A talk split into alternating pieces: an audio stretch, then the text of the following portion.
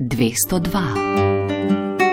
V okviru podcasta Koronavirus na valu 202 smo se pogovarjali tudi s filozofom dr. Tomažem Grošovnikom, ki filozofijo predava na Primorski univerzi.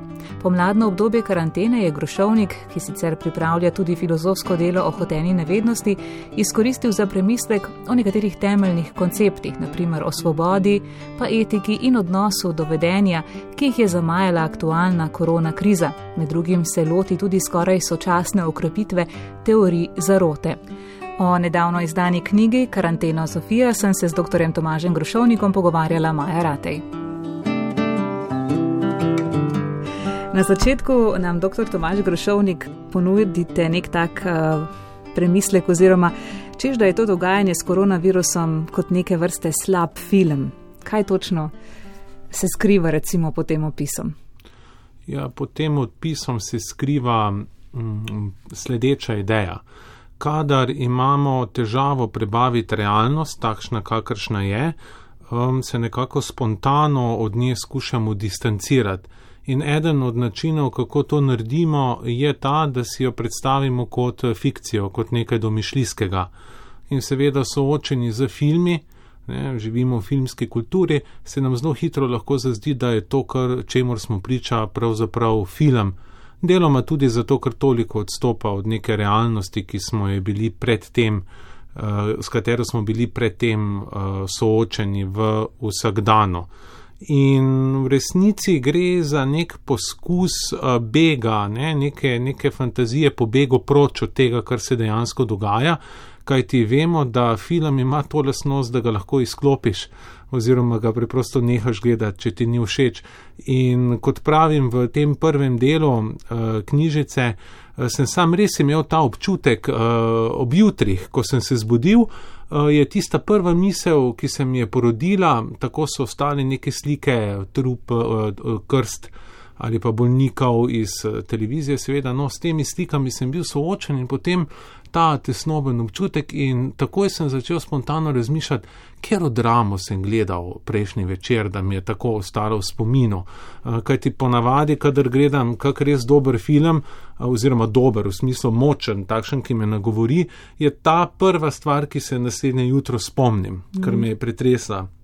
In podobno je bilo tukaj, eh, seveda z eno bistveno razliko da to ni bil film. Ne? In potem, ko sem se parkrat obrnil v postelji, sem ugotovil, uhudiča, pa se to je pravzaprav resničnost, ne? ni film, resničnost je. In potem sem zasledil še pri drugih uh, ljudeh, da so imeli uh, podobne občutke, no? kot da smo priča nekemu. Uh, pod narekovaj, mislim, slabemu, močnemu, vendar slabemu filmu, tragediji, drami. Zakaj gre za to tudi podzavestno zavračanje realnosti, recimo Eh, kaj se nam zgodi, zakaj, zakaj hitro prebegnemo v ta, eh, v ta odziv. Ena od hipotez, ki bi jo lahko tukaj tvegali eh, skupaj z socialnimi psihologi, pa tudi filozofi, recimo Spinozo, tudi Freudom, je ta, da je naš psihični aparat pravzaprav konzervativen. To pomeni, da um, nimamo radi prevelikih umskih pretresov ali pa takšnih prepričanj, ki bi bila skregana z ostalimi idejami, ki jih imamo. In takoj, ko naletimo na neko prepričanje, ki res tako odstopa, ki ga nismo vajeni, ne, ki, ki ni ustaljeno, ga najprej skušamo nekako neutralizirati. Uh, malo podobno kot pravzaprav v homeostazi to počne naš organizem. Ne. Če pride do nenadnega paca temperature ali pa kislosti, torej pH-ja, ne skuša nekako ta samoregulatorni mehanizem ne, v celicah uh, vzpostaviti prvotno stanje. In v resnici se nekaj podobnega dogaja z uh, našim miselnim ustrojem. Eh, in sam se pošalim, ne, oziroma to hkrati pa tudi seveda to mislim resno, da takrat nastopijo ne razni intelektualni fagociti, ne, se pravi razne, razne protitelesa, razne racionalizacije, izgovori, eh, različni načini, kako želimo te informacije, ki so eh, problematične, neutralizirati, jih odmisliti. In seveda tukaj so pa različni načini. Eni so tile, da poskušamo enostavno zanikati to, kar se dogaja, drugi so takšni, da, da sicer prepoznamo dejstvo, pa da, zmanjkam, da skušamo zmanjšati posledice oziroma njegov pomen za naše življenja in tako naprej.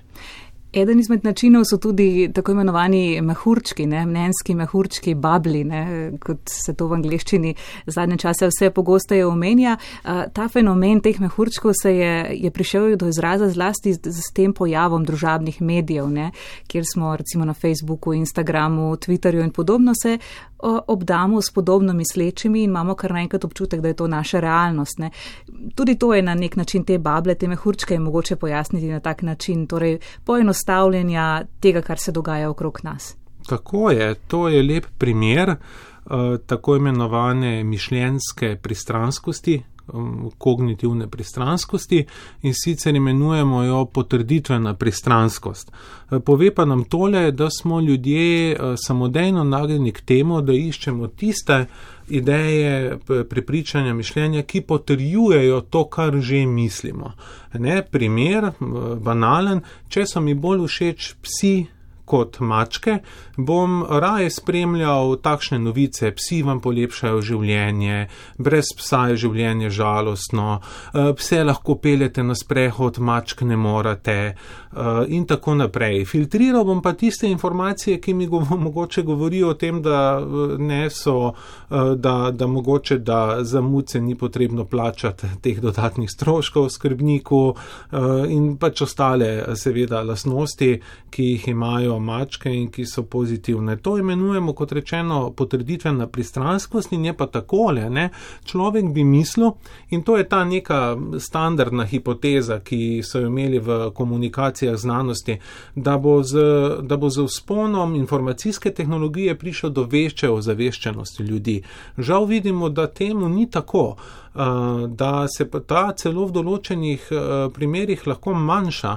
Zakaj? Zaradi tega, ker je danes pravzaprav potrditvena pristranskost tako rekoč na steroidih in sicer s tem, ker različni algoritmi, ki beležijo zgodovino našega brskanja po spletu, že sami nam naprej servirajo tiste novice, za katere obstaja večja verjetnost, da bomo na nje kliknili, ker so si seveda zapomnili, na katere informacije smo kliknili predtem tem.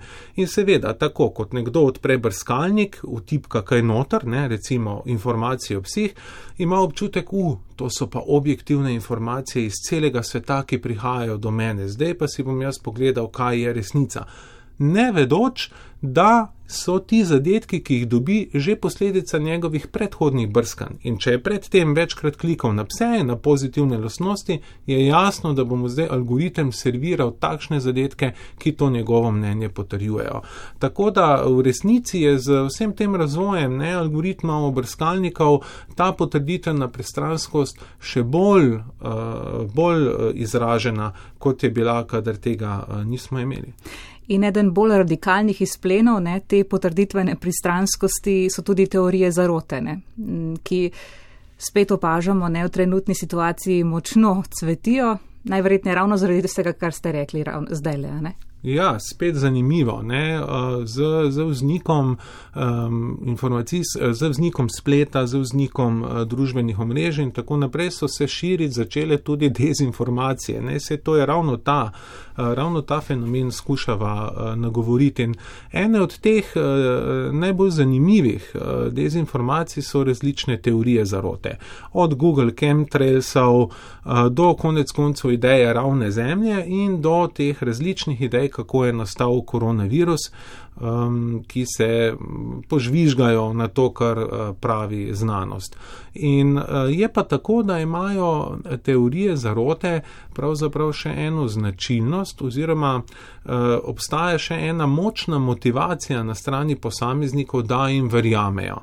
In ta motivacija je uh, sledeča.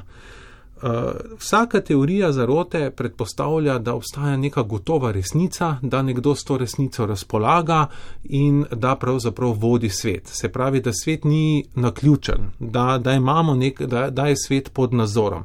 Res je sicer, da je v tem trenutku pod nadzorom nekega zlikovca, ruske vlade ali pa kitajske, eh, kitajske farmacevtske družbe ali pa nekoga, ampak vseeno pa še predpostavlja nadzor nad situacijo.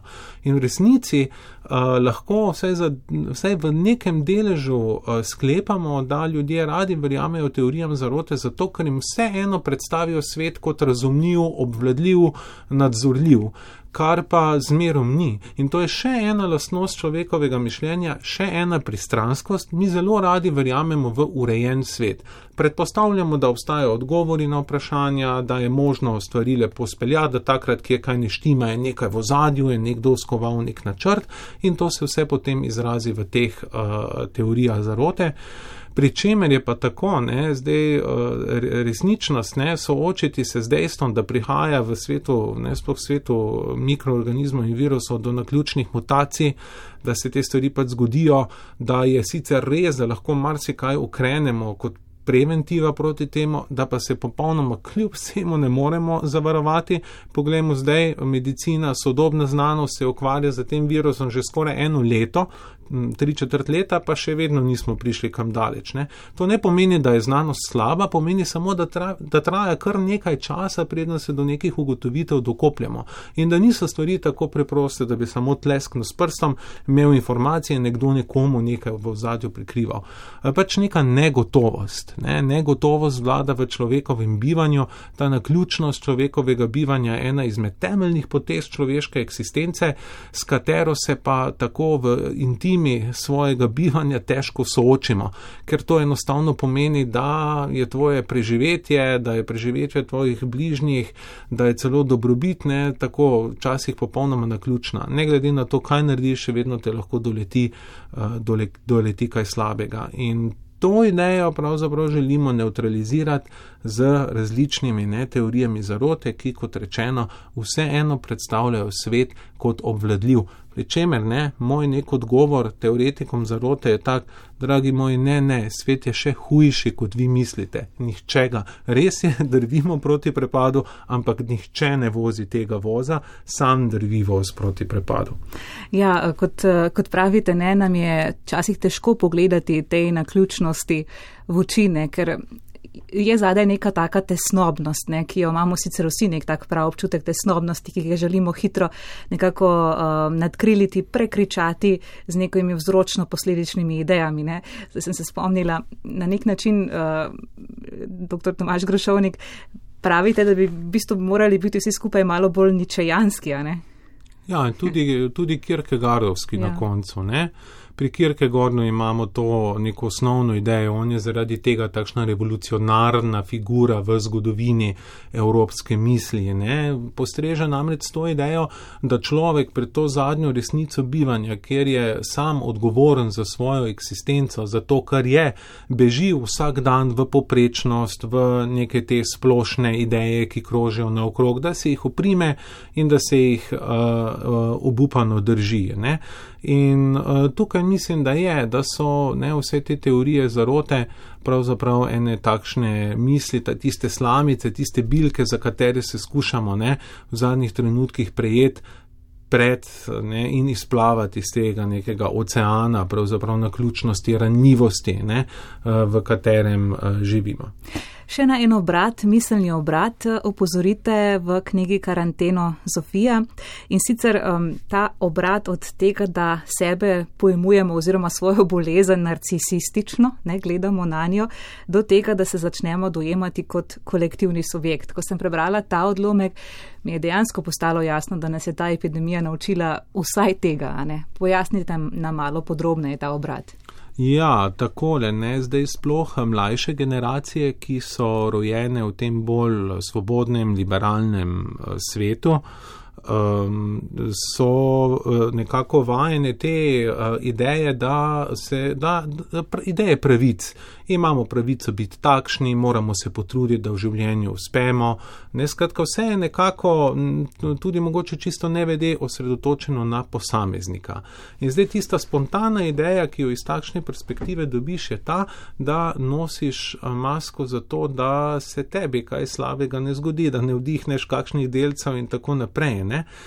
Ko pa ti nekdo zapoveda, moraš pravzaprav nositi nagobčnik za to, da ti koga ne ugrizneš, ne? če se lahko tako tako izrazim, ne, da pravzaprav se tebi začnejo omejevati pravice za to, da bo s tem splošno gledano družbi boljše, takrat si pa mislim, da doživiš nek mičken šok, naenkrat se zaveš, da ima ta liberalizem, ta svoboda neke svoje meje in da obstaja tukaj nek kolektivni subjekt, neka država, ki ti lahko uh, prepove gibanje, ki te lahko zameji, ki te lahko naloži neko določeno vedenje, ki je pravzaprav prisilno vedenje. In to je nekaj. Ne, česar, uh, kot rečeno, danes nismo več uh, tako navajeni. Kar je na nek način tudi prav, seveda, ker smo živimo v svobodni družbi um, in je nekaj, no, na kar se moramo, kot rečeno, tako uh, uh, malo, malo pripraviti. V tem aspektu pride v poštev utilitaristična etika, ne, ki jo tudi razložite. Ne da včasih v življenju pa vendarle je treba razmišljati v kontekstu širšega dobrega. Ja, zdaj utilitarizem je pogosto na slabem glasu, čež da je to neko golo preračunavanje, kdo bo dobil recimo ventilator v našem primeru ali pa kdo ne, če jih je premalo. Skratka, ne neko kalkuliranje za srečo, ker utilitarizem ima eno osnovno pravilo glede moralnega delovanja in sicer pravi, da je moralno tisto delovanje, ki prinese največ sreče za največje število ljudi. Ne, in posledično lahko v resnici vse te medicinske triaže razumemo iz tega zelo utilitarističnega vidika. Ne. Torej, ravnati ne, pri razvrščanju bolnikov moramo tako, da bomo s tem pač največ koristnega uh, naredili, da bomo največ, uh, največjim ljudem omogočili preživetje. In zdaj mogoče se to sliši tako malo surovo, včasih tudi je, včasih je zelo naporno sprejemati te odločitve, seveda, če si v vloge nekoga, ki se mora za to um, odločati. Vendar je po drugi strani res tudi to, da se v ozadju te logike utilitaristične skriva ena ideja in sicer enakost ljudi. Ne glede na to, kdo si, ne, v vsakem primeru je tvoja dobrobit tudi nekaj, kar šteje. Ne, in se uh, moraš enako upoštevati kot kdo drug. In tukaj se mi zdi, da je v resnici na nek način bolj pošteno tako gledati na reševanje te problematike kot z nekega drugega vidika, recimo z tistega, kdo ima plačano zavarovanje, kdo ga nima, ne skratka na, nek, na, na, na nekih teh izjemah, ki so določene za nekimi drugimi pravili ali pa pogodbami. Ne? Čeprav nekateri gledajo na to seveda za tistega vidika. Tako da se mi zdi, da je tu utilitarizem dejansko predpostavlja neko enakost ljudi in ja, ne, ta ideja, da moramo zdaj omejiti uh, gibanje ljudi, pa celo poslovanje nekoga, zato da bi, mu, da bi omogočili preživetje nekoga drugega, ne, je v resnici v ozadju neka utilitaristična logika, ker je pač seveda preživetje nekoga smatrano kot večja sreča od finančnega dobička nekoga drugega ki nam je in ta, v bistvu ta reorganizacija oziroma ta kar rigidni premislek, ne nam je na nek način uh, precej prekrižal načrte oziroma tako bi rekla zatresal temelje tudi naši družbi. Uh, Dr. Tomaš Glašovnik, za konec pa še tole vprašanje. V knjigi tudi izredno pozorite, da je ta ideja, ne, da bi nas ta kriza streznila, prinesla nek problem, nek preobrat, lahko tudi problematična. Zakaj? Ja, mislim, da je kriza kot uh, kriza kot, ne, ali pa kot apokalipsa, recimo, ne. beseda apokalipsa izhaja iz grščine in pomeni razodetje oziroma odkritje, apokalipto, ne, odkriješ nekaj. Skratka, to ni tisti Armagedon, vesoljni uh, razstrel ali karkoli, ampak preprosto nek čas, v katerem se razkrije nekaj, kar je predtem bilo mogoče čisto zaradi funkcioniranja vsak dana zakrito. No, zdaj, ko pa je ta vsak dan zamajan, zatresen, pa pridejo na plano neke stvari, ki so predtem uh, mogoče bile uh, malo uh, skrite. In zato je um, kriza, kar pomeni pa tudi ločevati, krino pomeni po grško ločujem, odbiram eno od drugega, nek uh, lahko privilegiran trenutek, privilegiran moment, ko se zavemo nekaterih stvari, ki so bile, kot rečeno, prej skrite, zakrite, potlačene, vsak dan jih je zakril. Ne, recimo šolstvo je tak lep primer. Se mi zdi, da se včasih pred, pred krizo starši niso zavedali, kako zelo pomembna institucija je šola, ne samo zato, da širi neko znanje, pač pa enostavno zato, da na smotrn način zaposli otroke, da jim ni dolg čas. To je nek smotr šole, na katerega vsi pozabljajo, je pa pravzaprav prisotno prisoten že pri Komenskem kot očetu uh, osnovne šole, pri čemer moramo tudi to povdariti, da šola schole pomeni dobesedno brezdelje iz grščine. Ne? Torej v šolo gre za to, da izkoristiš svoj prosti čas, ki ti je na voljo za to, da bi postal boljši človek. Skratka, to je. Ne? In ta stvar je bila prej zakrita otroke si dal v šolo, si prišel po njih, ne, sistem je eh, funkcioniral na normalen način. No, zdaj so take stvari prišle nekako bolj do, izgra, do izraza.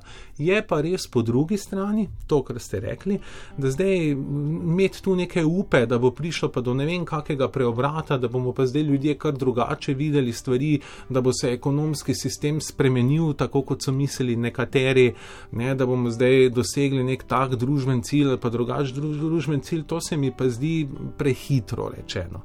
Eh, zaradi tega, ker, gledajte, korona kriza je v resnici samo ena kriza, s katero se soočamo, druga kriza, za katero trdim, da je dosti večja in globlja od te krize in bo imela večje posledice, ker bodo take krizice, kot je koronavirus, samo delčki izrazki tega, je seveda okoljska kriza, ne okoljska katastrofa, s katero živimo že kar nekaj zdaj desetletij pa nič ne kaže na to, da bi eh, karkoli bili bliže kakšnim resnim podnebnim sporazumom ali čemorkoli. Celo nasprotno, zdi se, da glavni ne, vladarji sveta tako zelo naivno so spet v zanikanju in rečejo, da to sploh ne obstaja ali pa da je mogoče uh, samo malo toplo ali kaj takega. Ne. Tako da dvomim, da uh, je kot rečeno ta kriza priložnost za neko refleksijo, za eh, neke korake, ne?